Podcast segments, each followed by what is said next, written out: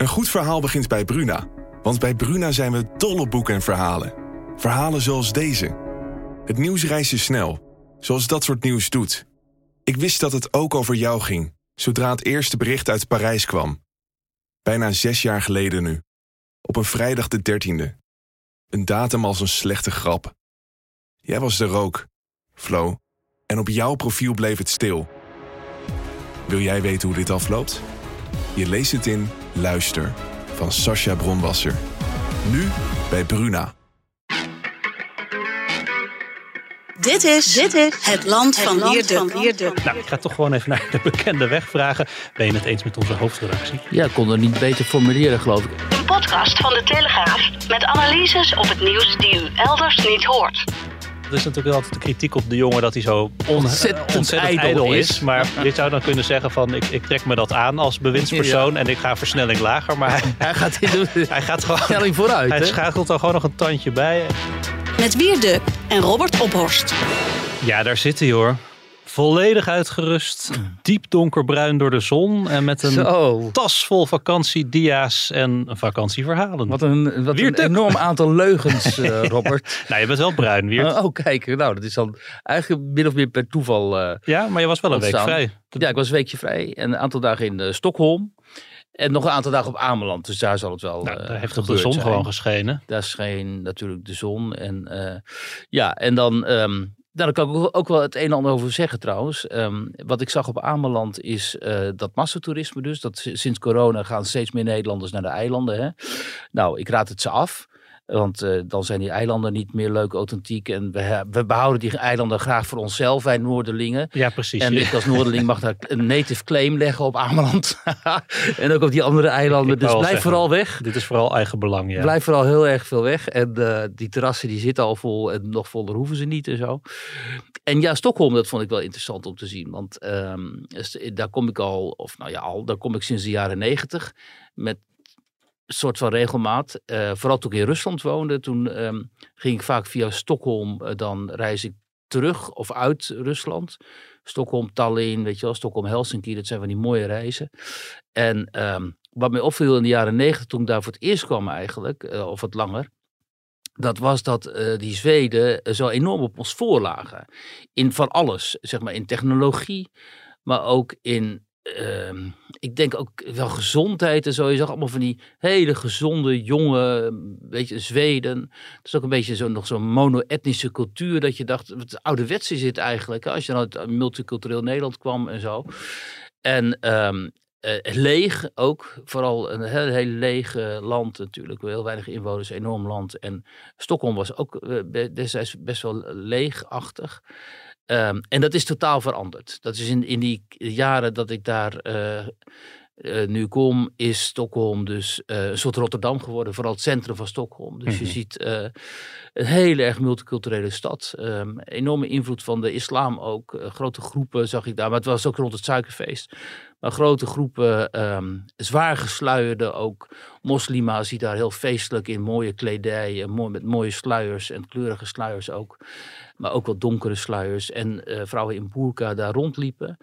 Ehm, veel politie ook, die, ehm, die zich ook eh, die duidelijk aan het eh, eh, profileren waren. Dus die jongens eh, van, met een bepaalde huidskleur en zo eh, staande hielden. Dus dat is.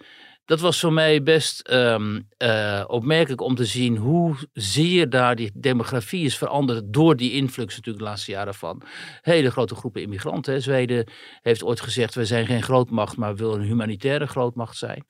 Ehm, en dat zie je dus, want ze hebben ontzettend veel vluchtelingen opgenomen en asielzoekers. En dat heeft ook enorm veel problemen met zich meegebracht natuurlijk. Hè. Die bende, oorlogen en zo in de voorsteden waar je eigenlijk nou, niet, niet meer moet komen. En eh, ik meen dat ook de premier, of in ieder geval iemand uit de huidige regering heeft ook gezegd. eh, het is een misverstand geweest. eh, die multicultuur bij ons is mislukt. Nou ja, dat, ehm, ik, ik was daar niet lang genoeg om te kunnen beoordelen of dat zo is. Maar ik zie alleen maar dat die demografie daar ingrijpend is veranderd. En dat ook de, de islam daar opeens, notabene in Mhm. Noord, Noord-Europa, een eh, belangrijk, ehm, ehm, in de publieke ruimte, laat ik het zo voorzichtig zeggen, een belangrijk eh, eh, niet rol speelt, maar eh, wel een deel van de publieke geworden. ruimte in het, in het stadscentrum domineert. Zo. Mhm, Nu heb ik het allemaal heel rus- onschuldig gezegd. Ja, nou ja, zo plotseling is dat natuurlijk niet gegaan. Dat is iets van de afgelopen Ja, jaren al. Dat is eh, zeker, maar goed, kijk, ze hebben destijds na die Joegoslavië-oorlogen heel veel mensen opgenomen. Hè? En, eh, dus dat was al, eh, maar die waren gewoon geïntegreerd geraakt voor een groot deel. En ze in, in die crisis van 2015, vanuit Syrië en verder de rest van het Midden-Oosten, hebben ze echt heel erg veel mensen opgenomen. ja.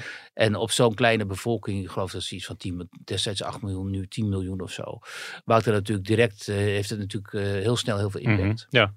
Nou ja, en het is misschien je laatste bezoek aan Zweden geweest dat het land geen NAVO-lid is. Juist, maar dat daar gaan is we dus... het. eh, ook heel opvallend. Ja. Zweden en Finland willen bij de NAVO. Ja. Precies wat eh, Vladimir Poetin niet wilde. En dat gaat nu toch gebeuren. Nou, over Rusland en Oekraïne en eh, alles wat daar omheen speelt, gaan we het zo nog even uitgebreid, eh, uitgebreider hebben. Ja, nee, ik zei natuurlijk voor de grap over die vakantiefoto's. Maar jij wilde wel nog even beginnen met een andere foto. Namelijk een foto van onze minister van Volkshuisvesting, Hugo de Jonge. Ja. Want die stond eh, deze ochtend. We nemen dit op op donderdag. Tenminste, ik neem aan dat het een foto was uit de krant van vanochtend van Trouw. Dat is uit de verdieping. Is dat op donderdag? Ik weet het niet ik ben precies. geen. maar, eh, eh, ik, ik sla wel eens een dag Trouw over, moet ik ja, bekennen. eerlijk gezegd ook wel. Sinds, ben een- het- ik ben sinds een- trouw twee keer de Volkskrant is. Ik ben een trouw krantenlezer, maar de trouw heb ik nooit zo helder eh, in het vizier moeten Nee, maar dat is in ieder geval een foto uit zo'n bijlageachtig deel van Trouw. Dat heet de verdieping en daar stond een interview in met Hugo de Jonge. Eh, en ja, jammer dat we die foto niet kunnen laten zien, maar we kunnen wel even zo meteen op de socials plaatsen natuurlijk. Ehm, dan, ehm, dat is weer zo'n hilarische foto van Narcissus eigenlijk, die naar boven kijkt naar de hemel en wacht, denk ik, op zijn ges- dagelijkse gesprek met God of zo. Of in ieder geval dat hij God belerend toespreekt. Het is echt... ehm, Het is echt een glamourfoto. Ja, dat, ik moet er ook wel om lachen. Dat is natuurlijk altijd de kritiek op de jongen dat hij zo on- Ontzettend ontzettend ijdel is. is. Maar ja, je zou dan kunnen zeggen van ik, ik, ik trek me dat aan als bewindspersoon. En ik, ik, doe een, ik doe een stapje terug en neem een, ga versnelling lager. Maar hij, Hij gaat in de hij gaat gewoon... stelling vooruit. Hij hè? schakelt er gewoon nog een tandje bij. En eh, ja, het, het is ergens ook wel een bewonderenswaardige middelvinger naar ons allen. Ja, dat vind ik ook wel. En ik ken ook wel mensen die hier ontzettend op moeten lachen. En die dan eh, vinden dat Hugo echt eh, dat hij aan, mooi aan het shinen is. En die vinden het fantastisch. Maar ik vind voor een minister die als minister van Volksgezondheid zoveel kwaad bloed heeft gezet bij heel veel mensen. En destijds ook eh, de hele tijd ijdeltuiterig op de foto ging. En voor de camera ging hangen. Alsof hij een soort wethouder hacking was van uh, Cotenby. Ja, eh, ik, zou, ik zou een tandje lager Ja. hebben gezet. Nou ja, kwaad bloed en, en probeer, presteer eerst nou maar eens wat als, ook Ga als minister van woningen bouwen, ja, precies, inderdaad. ga die woningen bouwen en los die eh, wooncrisis op voordat je Ja. een keer gestileerd eh, op de foto gaat. Hij had nu een blauw pak aan met blauw vest en blauwe schoenen en alles was blauw. En eh, ja, het is echt, eh, het is een en al, eh, hoe heet dat, gestileerdheid en mannetjesmakerij natuurlijk rond hem. Maar hij schijnt dat zelf maar niet, ja, hij schijnt dat zelf niet te voelen of zo. hè. Hij, heeft daar geen antenne voor, kennelijk. En ja, dat is... Zo'n enorm bord voor je hoofd, laat ik zo zeggen, is toch wel, ook wel weer indrukwekkend ergens. Heb jij eh, maandagavond al wat te doen? Eh, nou, maandagavond begint eh, Voetbal Insight, eh, geloof ik, misschien. Ja, van Althans, vandaag- we weten vandaag het niet Insight, zeker. hè? vandaag Insight, ja. ik weet nooit hoe het programma heet, terwijl ik Ja. af en toe zelf zit. Ja, nou, daar begin ik erover Ja, natuurlijk ook. daarom begin ik erover. Ja, jij, jij schuift regelmatig aan. Ja, het is nog niet helemaal zeker dat het programma weer terugkomt. Hè. Dat, Talpa moet daar officieel nog eh, iets over zeggen. Het zeiden in ieder geval deze week, nou de berichten dat het maandagavond weer op tv is, zijn voorbarig. Maar ja, er lijkt wel te spelen. Maar jij eh, bent nog niet gebeld door de eindredactie of je komende week weer kan aanschuiven? Eh, nee, ik heb wel even contact gehad natuurlijk met de redactie om ze te feliciteren met de terugkeer. Want ik vond het voor die redacteur ook heel erg naar dat zij misschien hun baan zouden verliezen. Het was een heel leuk team. Een heel gezellig team, ook uh, visagie en zo ontzettend aardig. En uh, ook wel een hecht team had ik de indruk. En, um, uh, en toen Johan dus opstapte, althans zichzelf cancelde, toen leek het erop dat, dat uh, die redactie ook uit elkaar zou vallen. En hopelijk gaat het programma dus weer door. En, maar heb jij nog contact met Johan, Wilfred of René gehad? Nou, nee, maar ook bewust even niet gezocht, omdat bij ons um, de collega's van privé natuurlijk het contact mm -hmm. met Johan onderhielden. En hij was niet zo tuk op eh, om hierover te praten. Maar uiteindelijk heeft hij toch allerlei dingen eh, gezegd. Eh, maar de komende dagen ga ik natuurlijk wel weer even contact zoeken. En, maar met de redactie heb ik wel contact gehad. Mhm. En ja, die, die waren heel blij dat, dat het ernaar uitziet dat het programma door Ja. zou gaan. En nu maar kijken wanneer ik weer kan aanschuiven om iets over Oekraïne Ja. en Rusland te zo te zeggen. Maar, maar hoe gaat dat bij dat programma? heb jij dan, als je daar hebt gezeten of je zit daar, eh, heb je dan wel eens een, eh, bel je dan wel eens met Johan bijvoorbeeld? Of heb je wel eens met hem? Nee, dat gaat zo van je, ehm, eh, je komt daar en dan is het allemaal hartstikke gezellig en zo. En dan direct na, na afloop dan gaan Johan en René heel snel weg. Omdat ze ook natuurlijk elke dag dat doen. Dus die moet, en Johan moet heel ver, hè? die moet helemaal naar Grollo. Dus die, die, die is, vertrekt heel snel. En Wilfred die blijft er wel wat hangen. En dan klets je wat en zo. Ehm, en voor, maar voor de uitzending eh kletsen we natuurlijk wel met elkaar over van alles en nog wat. Ja. Maar dan heb ik het met Johan vooral over eh, muziek. Want we delen muzieksmaak en over mensen die we nog kennen van vroeger uit Groningen. Hè, de Nieuws van het Noorden en zo. Ja. En Dagblad van het Noorden heet het tegenwoordig. Want hij heeft natuurlijk een heel, eh, hele geschiedenis daar in het Noorden liggen. En ik ken het daar ook goed. Ik ben ook begonnen bij Nieuws van het Noorden. Dus dan, eh, dan klets je daar wat over. Maar het is niet zo dat het eh, na de uitzending dan met z'n allen feest is of zo. Ja, op, op de vrijdag dan blijft men wel wat langer hangen. Maar het is gewoon hard werken natuurlijk voor die mannen. Want elke dag eh, is zo'n programma voorbereiden en dan daar zitten. En dan ook nog eens een keer heel eind naar huis rijden. Dat, dat valt ook niet mee. Ja. Nou ja, wat die muziek betreft, ik dacht eigenlijk dat Johan meer blues was en jij meer punk en new wave. Maar Nee, kennelijk... eh, Johan is Americana heel erg, hè? en dat ben ik ook.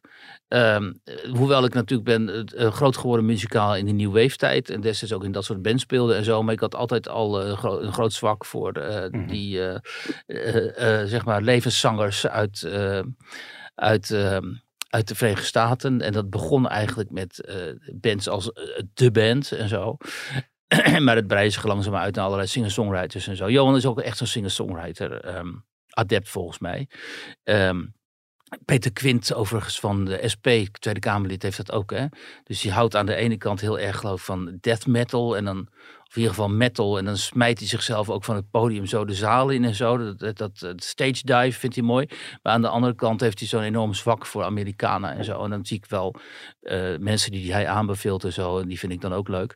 Dus... ehm, eh, nou ja, maar het- kijk, muziek en voetbal, weet je wel, dat zijn natuurlijk de ideale eh, thema's om het Ja, over te hebben. Eh, dat is en zeker eh, waar. een beetje verhouden van politiek en dan kun je al heel ver Ja. hè, hè, lange gesprekken voeren. Ja, ik, ik zag een, wat, wat, wat cartoons voorbij komen rondom deze rel. En dat, dat was dan een beetje langs de lijnen van, nou ja, Johan Derksen die zichzelf eigenlijk, jij zegt het zelf ook al, heeft zichzelf gecanceld. Maar vervolgens over de cancelcultuur begint te nou ja, zeuren, zullen we het maar even noemen. Hoe kijk jij daar nou naar? Was er nou een poging om dit programma Nou, te kijk. cancelen? Of heeft, eh, heeft, hebben deze mannen zichzelf eh, de nek tijdelijk omgedraaid? Sorry voor het hoesten. Nou ja, kijk, wat hier natuurlijk gaande is, is dit programma viel binnen de context, binnen een context waarin allerlei hele middelmatige mensen proberen om eh, andere mensen die zij, eh, waar aan, aan wie zij een hekel hebben, om te, die te cancelen.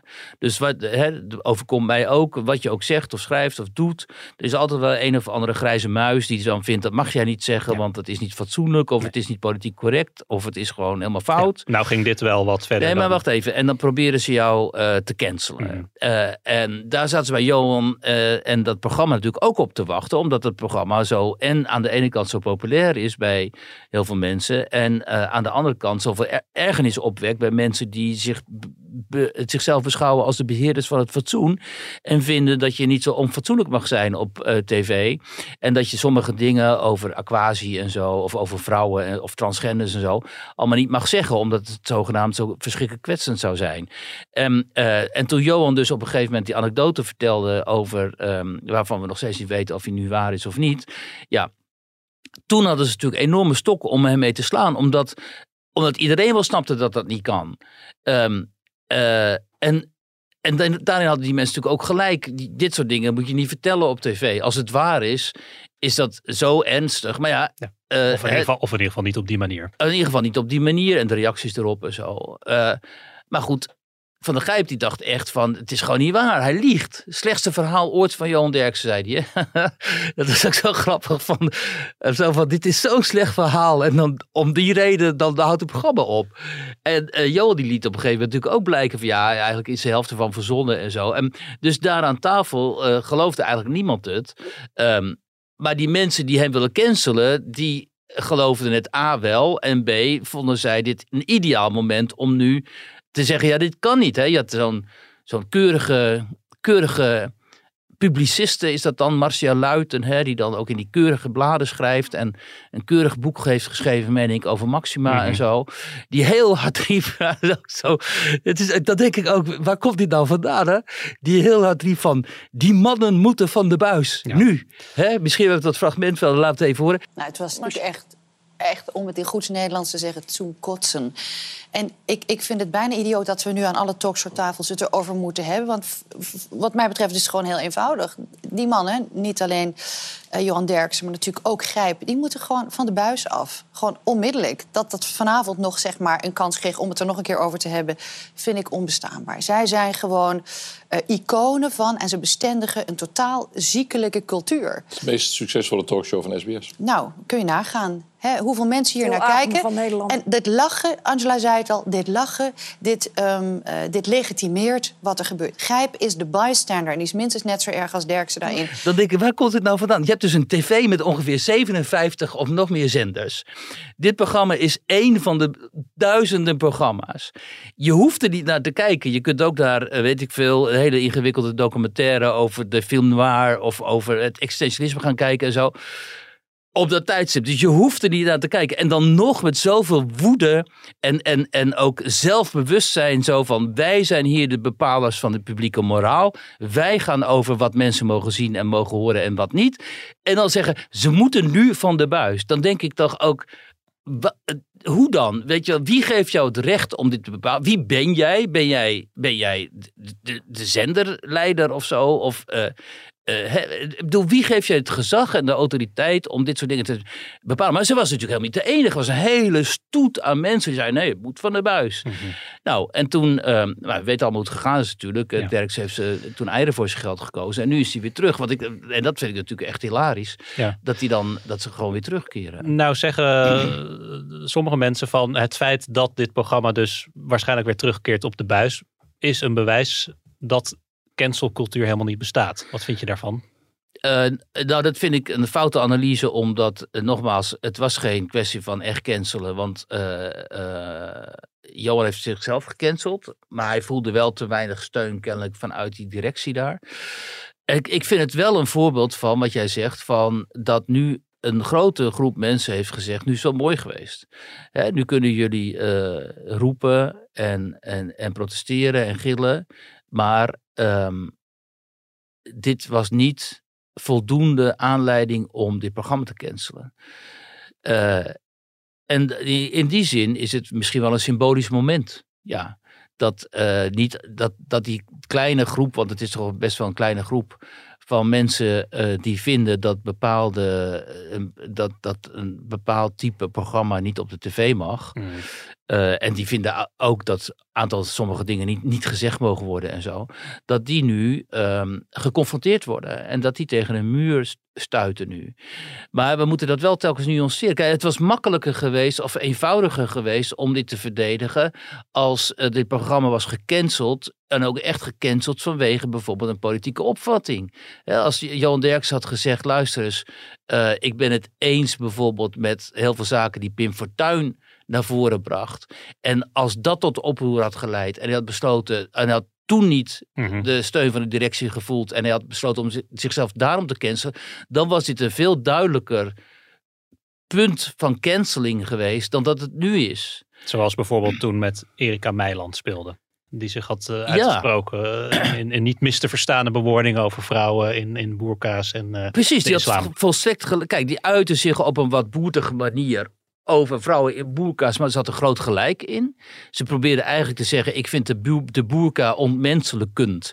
En als je een feministische vrouw bent, dan kun je dat niet accepteren. Dat is wat ze eigenlijk wilden zeggen. Maar dan, maar dan inderdaad in wat boertigere termen. En dan in wat boertige termen. En, en die moest ook om die reden gecanceld worden, weet je wel.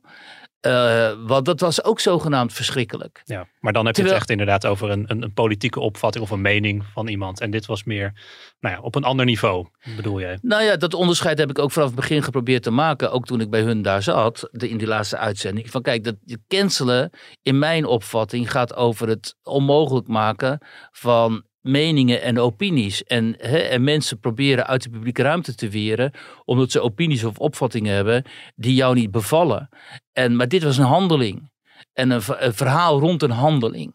En die handeling, uh, maar dat heeft Johan zelf ook gezegd, ja, daar schaamde hij zich voor. Die was ook schaamtevol. Hè? En dat is iets anders, dan is het weer een kwestie van fatsoen.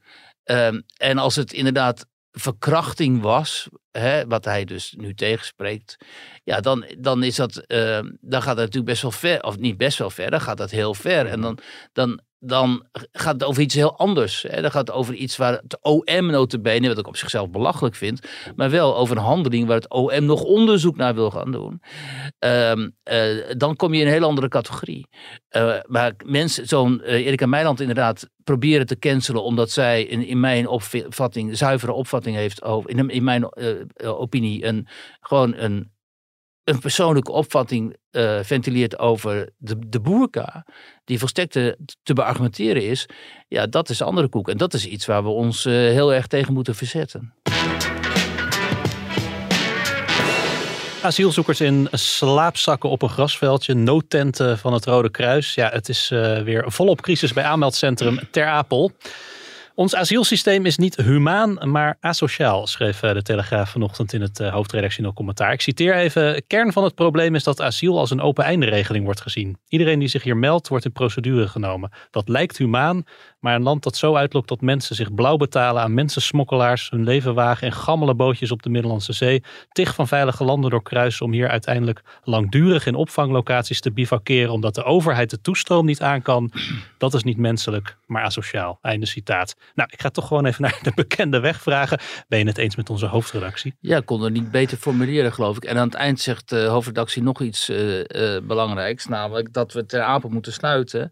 En dat moeten, moeten zorgen dat die. Uh, uh, vluchtelingen in de regio worden opgevangen. En dat we daar ook aan kunnen bijdragen, zoals Denemarken dat doet. Uh, en dat is ook het enige verstandige besluit, denk ik. Want dit is helemaal niet meer houdbaar, ja. natuurlijk, dit systeem. Nou, daar is vooralsnog uh, geen, geen politieke... Nee, onbegrijpelijk. Volstrekt onbegrijpelijk is dat. Geen, de, de, politiek niet voor te porren. Maar. Um, ja, dan zag je deze week weer staatssecretaris Van den Burg. Hè, die, die ook in de crisissfeer zat. En die zegt of ja, er is dringend betere spreiding nodig van de druk op de asielopvang door Nederland. Je hoort ook niet het begin van een oplossing eigenlijk. Nou ja, het is ook onvoorstelbaar. Kijk, we hebben het al zo vaak over gehad over die berekeningen van Jan van der Beek en Jan Latte. Die uitrekenen hoeveel tienduizenden mensen hier per jaar binnenkomen. En hoe ook in dit land de demografie uh, totaal uh, verandert. En, uh, en wat voor gevolgen het allemaal heeft voor de samenhang in het land. Voor het idee van wat Nederland is. Voor de Nederlandse identiteit. Maar vooral ook voor de woningmarkt. Hè? Die recht, statushouders die recht hebben op een woning. Terwijl kinderen, jonge mensen geen woning kunnen vinden. Geen sociale huurwoning, want die is er dan niet meer voor hun. Het is allemaal... Nou ja, zelfs, zelfs voor die statushouders is er geen woning, toch? Dat is nee, deel die, van het probleem. Die, zit, die houden plekken bezet in Ter Apel ja. die voor mensen zijn die nieuw binnenkomen. Ja. Die mensen hebben eigenlijk al recht op een woning, maar die woningen zijn er niet. Ja, iets van, uh, uh, ik meen iets van 18.000 of zo. Zoiets. Ik heb de exacte aantal ook niet uh, paraat, moet bekennen. Maar... Dus dat is gewoon niet te doen. En wie dat niet ziet, wie niet wil zien hoe krankzinnig vol Nederland is. Hè? Kijk, ik ben ik ben al zo oud, dus ik weet nog hoe het was als je uit de Randstad wegreed en je reed naar het noorden of naar het oosten. Het zuiden al wat minder. En je kwam in een soort toch wel vrij leeg landschap. Hè? En uh, zonder files en zo. En je dacht, oh, nou, ik ben die drukte van de Randstad ontvlucht. Maar dat is niet meer zo. Als je nu naar Groningen rijdt of naar uh, Friesland of naar het oosten overal zijn die files nu. Overal zijn mensen. Er zijn mensen die de Randstad ontvluchten, die naar die uh, randgebieden trekken en zo.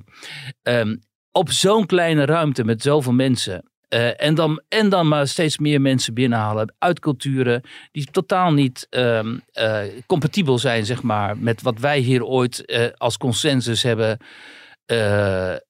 tot stand gebracht eigenlijk. Hè. Onze cultuur is natuurlijk ook een consensus tussen allerlei verschillende uh, nou, vormen van christendom en, en noem maar op. En niet, niet religieuze en zo. En, dan moeten we, en die islam hebben we al binnengekregen en die moet nog eens een keer... Um, uh, geïntegreerd raken. Wat ook maar ten dele lukt natuurlijk. Hè? Want het is uh, deels zijn uh, islamitische nieuwkomers natuurlijk keurig geïntegreerd. Maar voor een deel natuurlijk ook helemaal niet. En het zijn gewoon parallele werelden vaak. En dus we gaan die parallele werelden die al bestaan, die gaan we nog eens een keer voeden met mensen uit regio's. Um, Midden-Oosten enzovoort. Die notabene, wat jij al zei, of wat ook in het stuk hoofdredactioneel staat. Allerlei landen hebben doorkruist om uiteindelijk hier terecht te komen. Omdat ze weten dat ze hier um, te midden van goede voorzieningen terechtkomen. En geef ze ze ongelijk. Ik zou dat ook doen. Alleen um, daarmee, we, zijn al jaren bezig onze eigen verzorgingsstaat op te blazen. De verzorgingsstaat, moet je niet vergeten, was natuurlijk een enorm symbool en een, icoon van uh, beschaving eigenlijk. Dat je dus een verzorgingsstaat opbouwt met z'n allen, waarin iedereen betaalt, meebetaalt aan solidariteit tussen rijk en arm tussen, hè, tussen mensen die uh, wel kansen hebben en mensen die minder kansen hebben. En dat wordt er allemaal via allerlei sociale arrangementen wordt dat geregeld. Hè, uitkeringen, noem maar op en zo. Maar dan moet je ook een soort begrip hebben van, uh, van die solidariteit. Wat het dan betekent, die solidariteit. En um, en het is al zo vaak dat ook autochtone Nederlanders dat niet begrijpen en gewoon een beroep doen op al die arrangementen zonder erbij stil te staan dat, het, dat die arrangementen en tijdelijk moeten, zouden moeten zijn en voortkomen uit die solidariteitsgedachte. En nu haal je dus mensen binnen uit andere culturen die helemaal niet begrijpen wat de geschiedenis is van die verzorgingsstaat, maar denken, nou we krijgen daar een huis en we krijgen een uitkering. Mhm. Dus nou daar moeten we naartoe. Ja, en dat is natuurlijk ook een punt wat Jan van der Beek maakt, hè, de onderzoeker die jij net noemde en die we onlangs ook sprake in deze uitzending van, even los van of die mensen dat snappen, vaak uh, is het toch zo dat ze in, uh, grote aantallen van hen een beroep moeten doen op die solidariteit, omdat ze bijvoorbeeld een uitkering uh, krijgen. En dat kan je gewoon simpel uitrekenen. Als er zoveel mensen bijkomen die een uitkering krijgen, dan wordt dat, wordt dat systeem onbetaalbaar of dreigt onbetaalbaar te worden. Tuurlijk, daar is het systeem helemaal niet voor bedoeld immers. En maar ja, weet je hoe het, hoe het functioneert? Ik herinner me, ik zat eens een keer in Rotterdam bij een debat. En er was ook Farid Azarkan van Denk en een uh, heel aantal van zijn uh, stoottroepen, zeg maar. Die hadden, zaten allemaal voorin, allemaal van die jongeren van Denken, heel rumoerig en zo. Een niet, een niet neutrale term voor aanhangers. Uh, ja, maar ze waren heel rumoerig. Ze waren duidelijk op uit om een beetje een relletje te, te creëren ook en zo. Hè? En toen ging het ook hier over multiculturele samenleving enzovoort. Toen zei ik tegen op een gegeven moment van joh Um, alles goed en wel en zo, maar van de Somaliërs en de Eritreërs zit ongeveer 70% in de, in de bijstand. Hè? Nou, oproer in die zaal. Dat klopte niet. En uh, hoe kwam ik daarbij? En racistisch en zo. Hoe durfde ik Somaliërs en Eritreërs zo te bejegenen? Maar ja, als je naar de CBS-cijfers kijkt, klopt het gewoon wel. Maar, en, maar op dat, en dat probeer ik dan toch dan ook tegen Azekant te zeggen. Van, joh, als je de statistieken erbij haalt, dan klopt dit gewoon. 60 tot 70 procent zit jarenlang in een uitkering. Maar wat deed hij? Uh, hij werd woedend en hij begon de Telegraaf ervan te beschuldigen dat wij ook al fout waren in de oorlog. En hij liep weg.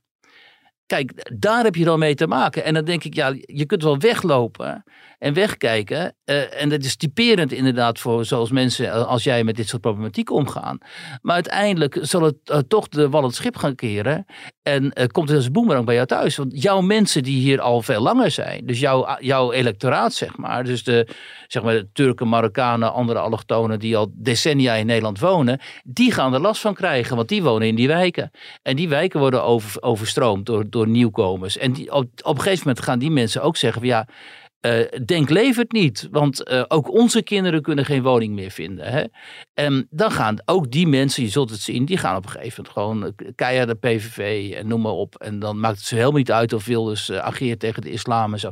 Je ziet al hè, de Hindoestanen bijvoorbeeld die veel op de PVV stemmen, maar ook gewoon seculiere Turken en zo. En Marokkanen ook, die zeggen nou ik stem op Wilders, want mijn wijk gaat naar de knoppen. Dat ga je krijgen. En dus ik snap het niet. Ik snap echt niet. Um, dat wegkijken snap ik niet. Um, Maar wat ik vooral heel verwijtbaar vind, is dat onze eh, politieke elite, ik bedoel, Denk regeert niet mee. Maar VVD en zo, die reageren wel. En de VVD reageert al heel lang en die hebben steeds een hele grote mond hierover. Hè, in de vorm van eerder uh, Dylan uh, en daarna Bente Becker en zo. En ook wel Malik Asmani. Die hebben toch allemaal een grote mond gehad over deze problematiek. Maar ze leveren totaal niks. Echt gewoon nul niks. En ze tekenen wel het pact van Marrakesh. En de EU wil nu ook weer nog meer arbeidsmigranten gaan binnenhalen en zo. En dan gaan ze ook weer tekenen bij het kruisje. Dus... Hier gaat helemaal niks veranderen. Uh, uh, en dat met als gevolg dat steeds meer Nederlanders die ik spreek, hè, het zal weer anekdotisch zijn en zo, maar steeds meer Nederlanders die ik spreek, hoog opgeleid, uh, die al het, uh, hè, mm -hmm. erover nadenken om Nederland dan toch maar Nederland te verlaten.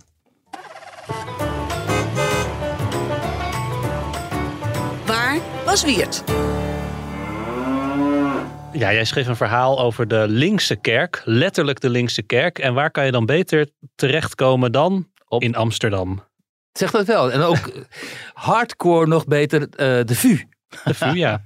De Vrije Universiteit, ooit begonnen natuurlijk als gereformeerd bolwerk uh, van Abraham Kuyper, de grote gereformeerde voorman, die een uh, christen-protestants-christelijke universiteit wilde oprichten. En uh, ik was bij Wim Berkelaar, onder andere, die is historicus en die werkt daar, is verbonden aan een instituut daar. En ook Jan-Jaap van den Berg was daar, ook um, politicoloog en historicus. En Wim die liet me nog zo'n potje zien.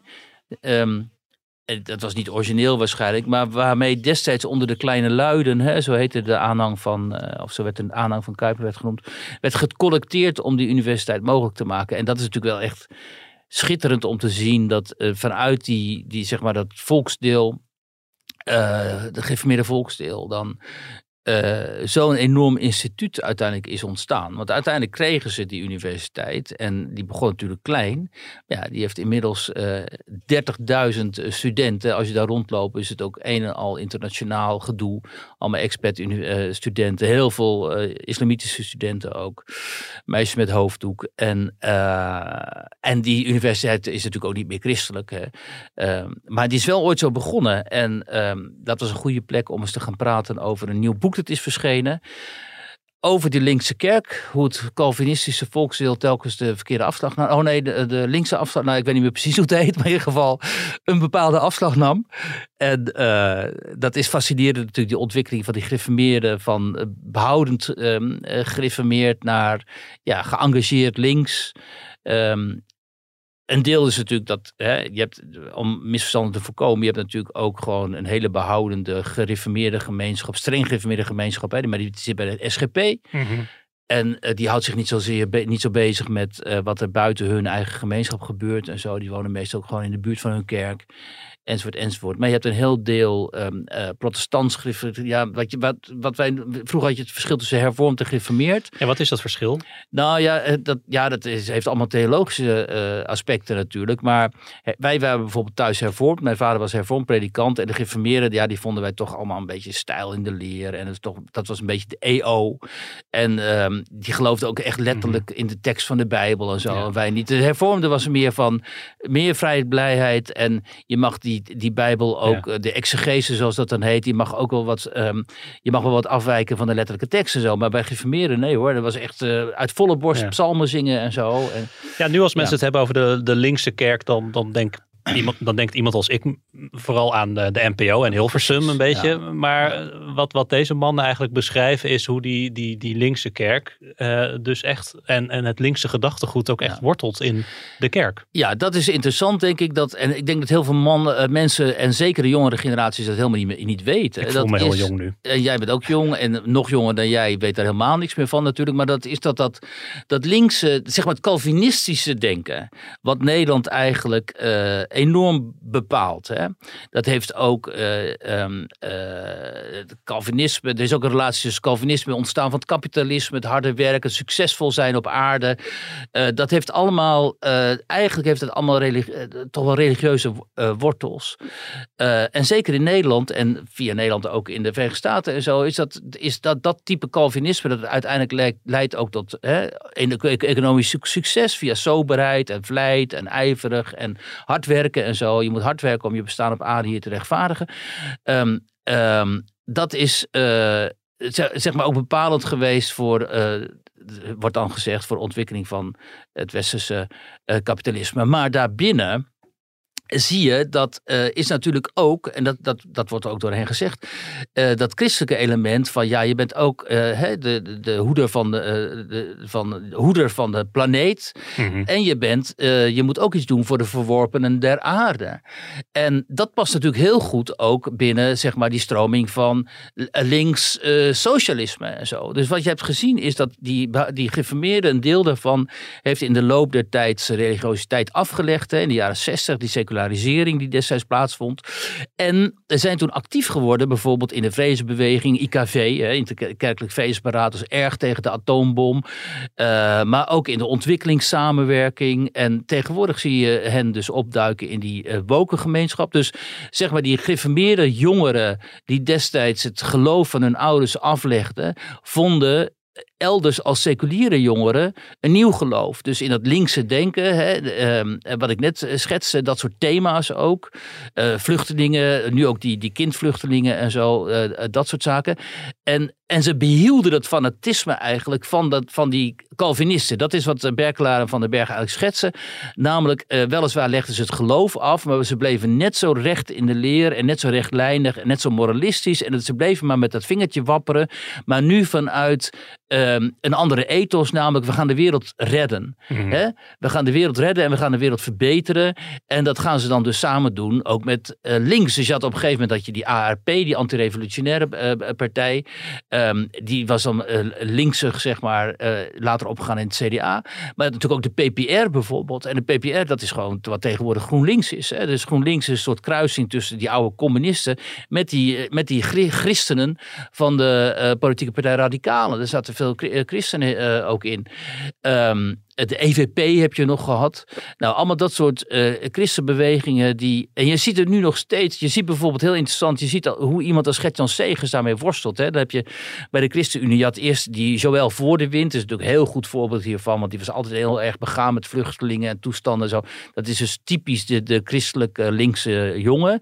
En Segers is dan wat behoudender. Um, maar ja, die ziet toch ook wel heel sterk voor zichzelf die opdracht om de wereld te verbeteren. Dus dan zie je hem in die, in die, in die uh, medisch-ethische thema's zie je hem heel erg worstelen, weet je wel. Want dan moet hij opeens nog wat behoudender zijn over abortus en euthanasie en zo. En dan in, in die andere the thema's zoals kinderpardon en zo, dan zie je weer echt uh, die linkse kant ja. uh, van hem. Um, nou ja, dat en dat en de conclusie is natuurlijk uiteindelijk dat. Uh, nou, dit heeft erg bijgedragen aan het begrip van Nederland gidsland. Hè. Nederland wilde dan gidsland zijn in de wereld. Want wij waren het. In de 19e eeuw heette het nog. Nederland is het Israël van Europa, notabene. Op basis van die historisch-christelijke uh, link met Nederland, met Israël. En nu zie je ditzelfde fanatieke uh, gidsland uh, denken, die gidslandgedachte, die zie je nog steeds bijvoorbeeld bij D66 en GroenLinks ja. over krant als trouw, omdat ze, die willen dan dat we gidsland worden op het gebied van het klimaat. Hè? Ja. En waarom zou je dat willen? Waarom moet Nederland dat zijn? Ja, dat is alleen maar te verklaren vanuit die gedachte dat wij radicale wereldverbeteraars mm. moeten zijn. En dat komt toch echt heel sterk vanuit ja. die mix tussen, zeg maar, um, uh, socialisme en christendom. Ja, nou ja, en dat weet ik dan als matig trouwlezer nog wel. Dat trouw ook best wel woke is.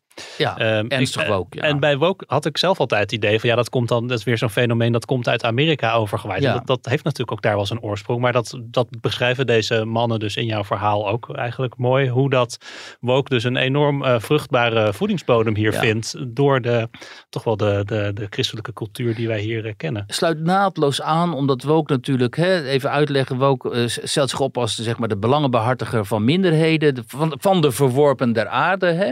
En dat is tegenwoordig niet meer de blanke arbeider of de blanke christelijke arbeider die vroeger bij CNV zat en zo geloof ik. Christelijke, uh, hoe heet dat? Nou ja, christelijke vakbond. Hè? Maar dat zijn tegenwoordig de migranten.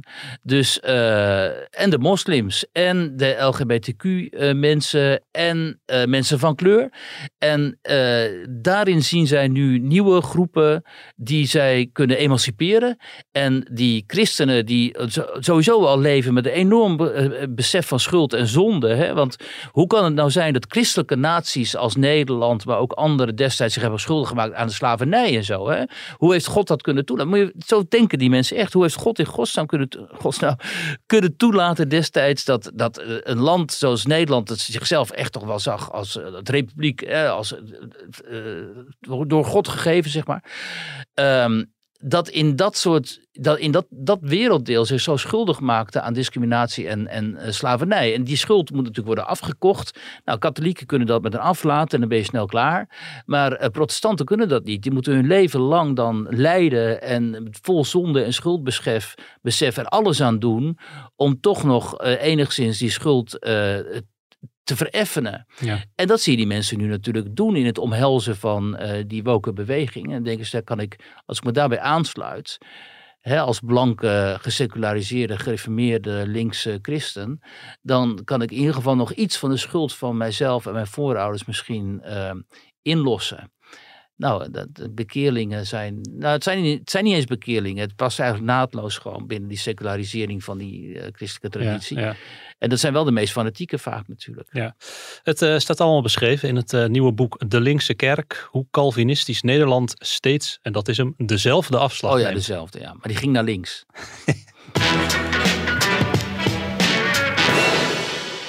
Many times, when we spoke on the phone in the first weeks of the war, I asked myself, could this be the last time? It was a truly horrible thought. So, yes, we admire Ukraine's courage more than I can express in words. It is like David against Goliath. And we all know who won that fight. Dramatische woorden, wel in zijn kenmerkend uh, steenkolen-Engels van uh, premier Rutte aan het uh, Oekraïense parlement. Hij sprak het parlement toe via een videoverbinding. Wiert, jij wilde het hebben over een rapport van een Amerikaanse denktank over de situatie in Oekraïne. Dat rapport is ergens uit een la opgevist, want het stamt al uit 2019. Maar het is nu opeens een gesprek van de dag in bepaalde kringen. Leg even uit waarom. Ja, een Amerikaanse denktank die in 2009 een uh, uitgebreid rapport heeft geschreven over hoe kunnen we Rusland uh, schaden en containen. Daar komt het op neer. Stel, stel wij zien Rusland als onze vijand. Uh, hoe kunnen wij dan ervoor zorgen dat Rusland zoveel mogelijk schade oploopt en zoveel mogelijk wordt um, uh, in toom gehouden? Daar komt, dat, dat, dat is het eigenlijk. En het interessante daaraan is. Um, uh, twee dingen. Het rapport wordt nu inderdaad opgevist en wordt door mensen die vinden dat het Westen eigenlijk schuldig is aan die oorlog in de Oekraïne uh, gebruikt als bewijs. Zo van kijk maar, de blauwdruk zoals jij het voor de uitzending noemde. Die lag al klaar, die is door Rent geschreven en we zien wat zich nu ontwikkelt daar op het slagveld. Dat zien we daarin uh, punt voor punt beschreven. Ja, en het, het, het, het, leest eigenlijk als een soort handleiding, zou je en, kunnen zeggen. Precies, en het klopt ook. Want alles wat je dus in het rapport leest, dat zie je nu dus gebeuren. Sancties, leveren van dodelijke wapens, lethal weapons, hè, de aanvalswapens. Uh, Rusland, uh, een informatieoorlog uitvechten met Rusland. Ervoor zelfs de doelstelling nu van de Amerikanen om Rusland zodanig te verzwakken dat het regime nooit meer in staat zal zijn om zo'n oorlog te voeren. Hè, mm -hmm. Waarop de wijk ook heel veel kritiek op heeft als een nieuw strategisch doel. Het staat er allemaal in. Ja. Dus natuurlijk zeggen mensen dan van, oh kijk, dit is gewoon de blauwdruk. Dus zijn de Amerikanen schuldig aan deze oorlog. Maar dat is niet zo. Dit rapport werd geschreven uit de gedachte, stel nou dat we dit zouden willen doen. Wat moeten we dan doen? Ja. Wordt, wordt, wordt de invasie van Oekraïne daar dan ook als aanleiding in genoemd? Nee, wat er wel als aanleiding wordt genoemd is um, uh, wat er wel wordt beschreven natuurlijk is de, de, het conflict dat begon in 2014. Uh, de gewelddadigheden in het Donbass. Mhm. Mm -hmm. En wat er wel wordt beschreven is dat er dan een Rusland zou moeten worden uitgelokt tot een invasie. Mm -hmm. Dus dat het dan, als wij inderdaad zouden willen, als wij denken dat we meer profijt hebben dan uh, schade ondervinden van een militair conflict met Rusland, om Rusland dus uh, als tegenstander te verzwakken, dan zouden we Rusland moeten uitlokken tot een invasie. Ja, het klinkt ook. Dat is precies wat Poetin heeft gezegd. Ik wou net zeggen, dat, het klinkt als wat Poetin zei op overwinningsdag. Ja. Um, het Westen was met een invasie bezig en ze hebben ons uitgelokt. Daar kwam het eigenlijk op neer. Ja, het riskante van dit soort uh, denkexperimenten, want dat is het eigenlijk. En dat wordt, Mhm. gebeurt natuurlijk wel vaker, want je moet in, met alles rekening houden. En denktanks zijn er niet voor niks. Dus je moet de scenario's ontwikkelen waarin bijvoorbeeld ook China Amerika Ik aanvalt. zeggen, of kan, waarin, eh, je kan voor alles wat er in de wereld gebeurt, kan je wel ergens in een, la, een rapport van een denktank opvissen wat precies beschrijft wat er, eh, wat er dan op dat moment gebeurt. Precies, er liggen natuurlijk ook rapporten klaar eh, die beschrijven hoe we China zouden moeten aanvallen Ja. bijvoorbeeld. Of China moeten zouden eh, uitlokken. Eh, alleen die Poetin is ook niet gek. Eh, die leest dat, die rapporten natuurlijk ook. En die krijgt ook van zijn eh, int- intelligence, veiligheidsdiensten, dit soort rapporten onder ogen. En die kan dit natuurlijk gebruiken als eh, bewijs eh, in zijn ogen dat het Westen inderdaad bezig was om Rusland en hem te on- persoonlijk te ondermijnen via Oekraïne. En dat is ook wat hij telkens heeft gezegd. En daarom vond ik zijn speech ook zo interessant op de 9e mei. Hè, omdat heel veel mensen hadden gezegd: oh, hij gaat de derde wereldoorlog uitroepen en hij gaat de NAVO aanvallen en al die shit en zo. En dat dacht ik helemaal niet. Ik dacht, hij heeft eh, al twintig jaar, zegt hij dit. Eh, hij is heel consistent in zijn verhaal, namelijk het Westen moet zich verhouden van inmenging in voormalige Sovjetrepublieken, de Georgië vooral en Oekraïne. Eh, en als het Westen niet naar ons luistert, hè, als het niet met ons samen een nieuwe veiligheidsarchitectuur voor Europa wil opbouwen, dan zien we ons genoodzaakt om militair in te grijpen. En dat heeft hij ook gedaan. Hè, want heeft eind vorig jaar heeft hij nog dat weliswaar idiote, maar in ieder geval het voorstel gedaan om voor een nieuwe veiligheidsarchitectuur. En dat was voor het Westen, zaten daar allerlei bepalingen in die volstrekt on, on- onbespreekbaar waren voor ons. Eh, maar goed, dat hebben we dus ook afgewezen. En vervolgens is hij dus ehm, eh, die invasie begonnen. En eh, nu zei hij in die reden op de 9e mei niks anders dan dat. Hè? Van eh, we hebben een voorstel gedaan, is afgewezen. Het Westen was voorbereid, eh, was bezig via Oekraïne een eh, aanval op ons te organiseren. Dus we moesten wel preventief eh, aanvallen. Nou, voor een gemiddelde Rus is dat een volstrekt consistent eh, verhaal. Zeker als je daar ook nog eens een keer het element van dat gevecht tegen het nazisme in kunt verwerken. Hè? Zo van onze grootouders hebben de nazi's bevochten daar op die slagvelden bij Koersk en de Morop en elders daar. Hè, daar in Centraal-Europa, zeg maar, Centraal-Oost-Europa. En nu doen onze kleinkinderen hetzelfde tegen de nieuwe generatie eh, nazi's uit eh, Oekraïne. Ehm, kijk, dat verhaal retorisch eh, is eh, goed verkoopbaar aan het Russisch publiek. Ehm, als je dan ziet wat daar daadwerkelijk zich afspeelt op de grond. Hè, die verschrikkingen daar. En er was nu net weer een filmpje van CNN waarop te zien is hoe twee Russische soldaten gewoon twee burgermannen in Kiev, In de bij rug, Kiev, in de rug schieten. Ja, dat het te zien zou zijn, moeten we Ja. eigenlijk zeggen. Want het Precies. is altijd bij dat soort beelden, eh, nou ja, je, je weet weinig zeker. Ja. Tot het moment dat je het zeker weet, zal ik maar zeggen. Maar dat zou er te zien zijn. En eh, dan denk je natuurlijk wel van, jee, weet je, het is eh, eh, hoe dan ook natuurlijk een verschrikking, die oorlog. En nog even om op de stand van zaken terug te komen nu, ziet het er toch wel naar uit dat de Russen, hè, die dat oosten en zuiden aan het innemen zijn. En uiteindelijk, ondanks dat hen dat dan heel veel moeite heeft gekost, lijkt het er toch wel op dat ze zich dat deel van Oekraïne eh meester zullen maken daarvan. Ehm, en dan Oekraïne eh, zullen afsnijden van eh, de zee, Zwarte Zee. Eh zee van Azov is het daar. En dan, ja, dan krijg je natuurlijk een hele ingewikkelde situatie. Want uiteindelijk de vraag als laatste dan. Als, de vraag gaat natuurlijk worden, hoe gaan, we, hoe gaan wij als Westen op een gegeven moment nog met Poetin om? Ehm, het, het tweede scenario is als hij die oorlog verliest, nou, dan zal hij gewipt worden. Dus er zal het ongetwijfeld tot een soort van burgeroorlog komen in Rusland. Eh, wint hij het, dan eh, kunnen wij geen enkele relatie meer met hem aangaan, omdat hij paria is. Eh, wordt het een frozen conflict, dus een conflict dat jaren duurt en wat af en toe opflakkert. Ja, dan ook. Zitten we in dezelfde situatie. En dan zal Poetin zich nog, nog meer tot China en India en andere landen wenden die minder problemen hebben met die invasie van hem. Uh, en dan zitten we toch wel voor een hele lange tijd met een enorm uh, probleem uh, rond Rusland. En ehm, ja, dat, een, een van die scenario's zal toch wel de uitkomst worden, vrees ik. Nou, je bent weer helemaal uit de vakantiemodus, hè? Juist. ik heb eruit geluld. We zijn weer helemaal terug in, het, uh, in, het, uh, in de inktzwarte realiteit van nu. Want dat is het natuurlijk wel, die oorlog daar. Dat uh, blijft verschrikkelijk. Wiert, um, ik dank, dank je hartelijk en graag tot volgende keer. Dankjewel.